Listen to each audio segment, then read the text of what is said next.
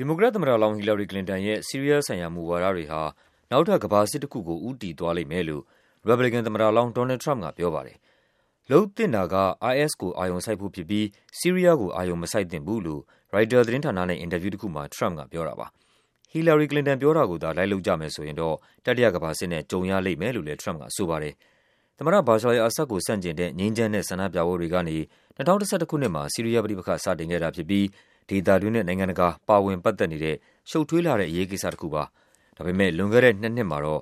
IS စစ်သွေးကြွတွေကို တိုက်ခိုက်တာလည်း ပါလာပါတယ်။ရုရှားနဲ့ အီရန်က ကျောထောက်နောက်ခံပေးထားတဲ့ အာဆဒ်အစိုးရက သူပုန်တွေကိုတိုက်နေပြီး အတိုက်အခံ လက်နက်ကိုင်တွေကိုတော့ အမေရိကန်၊တူရကီနဲ့ ဆော်ဒီအာရေးဘီးယားလို နိုင်ငံတွေက အထောက်အပံ့ပေးနေတာပါ။ IS အစွန်းရောက်တွေကို အမေရိကန်က ဆက်နှိမ်နင်းသွားမယ့် နည်းလမ်းအများအပြားကို ကလင်တန်က အဆိုပြုထားပြီး သမ္မတ အာဆဒ်ကို ရာထူးက ထွက်သွားစေချင်ပါတယ်။ထရမ့်ပ်ဟာ သမ္မတအာဆဒ်ကို အာဏာဆက်ရှိနေစေချင်တဲ့ ရုရှားသမ္မတ ဗလာဒီမီယာ ပူတင်ကို ထောက်ခံနေတယ်ဆိုပြီး ကလင်တန်ရဲ့ မဲဆွယ်စည်းရုံးရေးအဖွဲ့က ဝေဖန်ပြောဆိုပါတယ်။